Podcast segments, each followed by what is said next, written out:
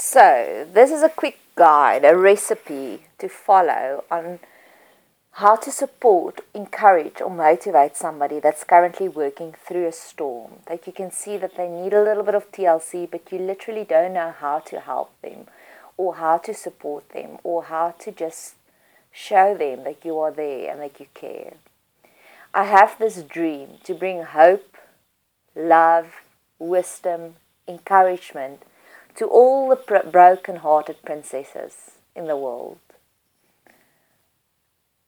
I have prayed recently this very big prayer, and I know that God loves big prayers, to have a roadshow across South Africa to bring hope and inspiration to princesses. So, in the meantime, I'm practicing, and this is why I'm making these podcasts. This is my first podcast that I'm trying to be more organic and less scripted. So, thank you for your grace and bearing with me.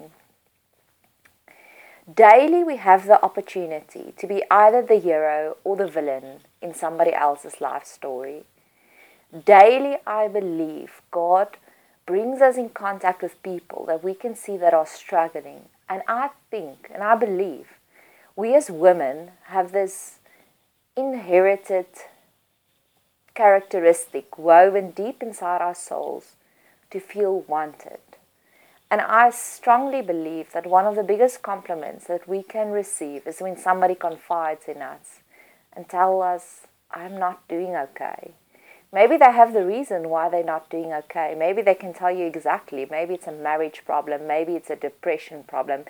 Maybe it's a problem at home. Maybe it's a problem at work. But I also firmly believe that sometimes we as women just don't feel okay, but we can't pinpoint it exactly. And this is the reason why I'm making this podcast is to give you a recipe, just to be there for them, just to help them. And this is a shout out to my dear marshmallow friend that actually motivated and inspired me this morning by sending me a short little video um, on how to support somebody when they're not feeling well, when they are just not doing okay. And it, this video actually inspired me so much because I could relate to it from both sides. I love this song, I've looked at life from both sides now, where on the one hand, I was vulnerable in front of somebody else, in front of a soul sister. And she gave me a sermon and it hurt so badly, and she actually just made it worse. Versus, I've looked at life from both sides now where I've actually been vulnerable in front of somebody else and they gave me TLC and how good it felt. So this is a very deep desire of my me just to give the recipe out there because I know what it feels like to have a sermon and what it feels like to have Bible verses quoted at you and I'm sure that she did it out of love as well versus really receiving a deep soul mas- mas- massage when you were vulnerable in front of somebody. Why should we choose to be the hero in somebody else's story? I truly believe that a little bit of healing comes to us as well when we decide to move out of our comfort zone, even while we also are battling and struggling and working through an issue or a storm but when we have the opportunity to actually give a little bit of TLC to somebody else. One of my favorite stories in the Bible is the story of Ephraim and Manasseh.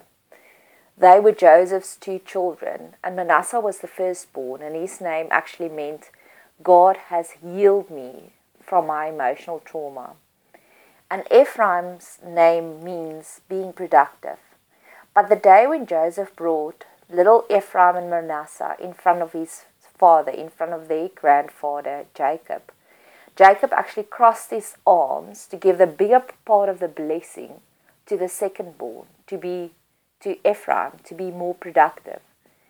And I firmly believe, and I've seen it in my life numerous times, that the moment when we are productive, when we are shining the light, the Hebrew word for that is tikkun olam. When we are the healing, when we are God's partners to other broken-hearted princesses, then we receive a little bit of Manasseh, a little bit of healing for our own emotional trauma.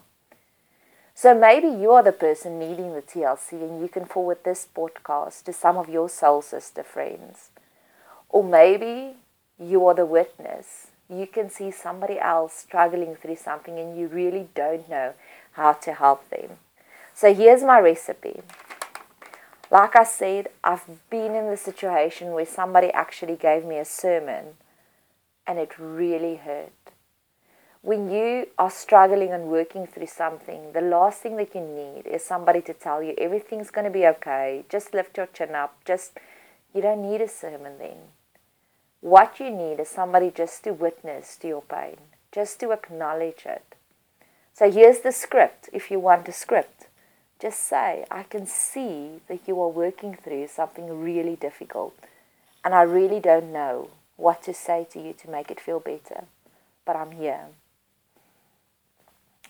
When Hagar was at the well, God appeared to her with the name El Roi, the God who sees me. When we are working through a struggle, we just want somebody to acknowledge our pain. I personally also have a boulevard of broken hearts behind me, of failed relationships, and one of the best remedies that somebody can say to me is just to acknowledge it, to say, I know you've been hurt before. That is all we want. We just want that acknowledgement of the storm that we are going through. Job's friends also came to sit in sackcloth, sackcloth and ashes with him. They were just there. I love the movie Collateral Beauty. And in the movie, there's this song, Let's Hurt Tonight. Sometimes that's all we need. We just need somebody just to acknowledge our pain. We all will reach eventually the holy ground where we can say, We've seen the purpose of this trauma, we've seen the reason why. But while we are still facing this issue, while the giants are still standing in front of us, we don't need somebody to give us those quick fix answers that God will make everything work out good for those who love Him. We just want, want it to be acknowledged. I personally have this, this strategy in place where I believe in the 90 10% um, battle plan.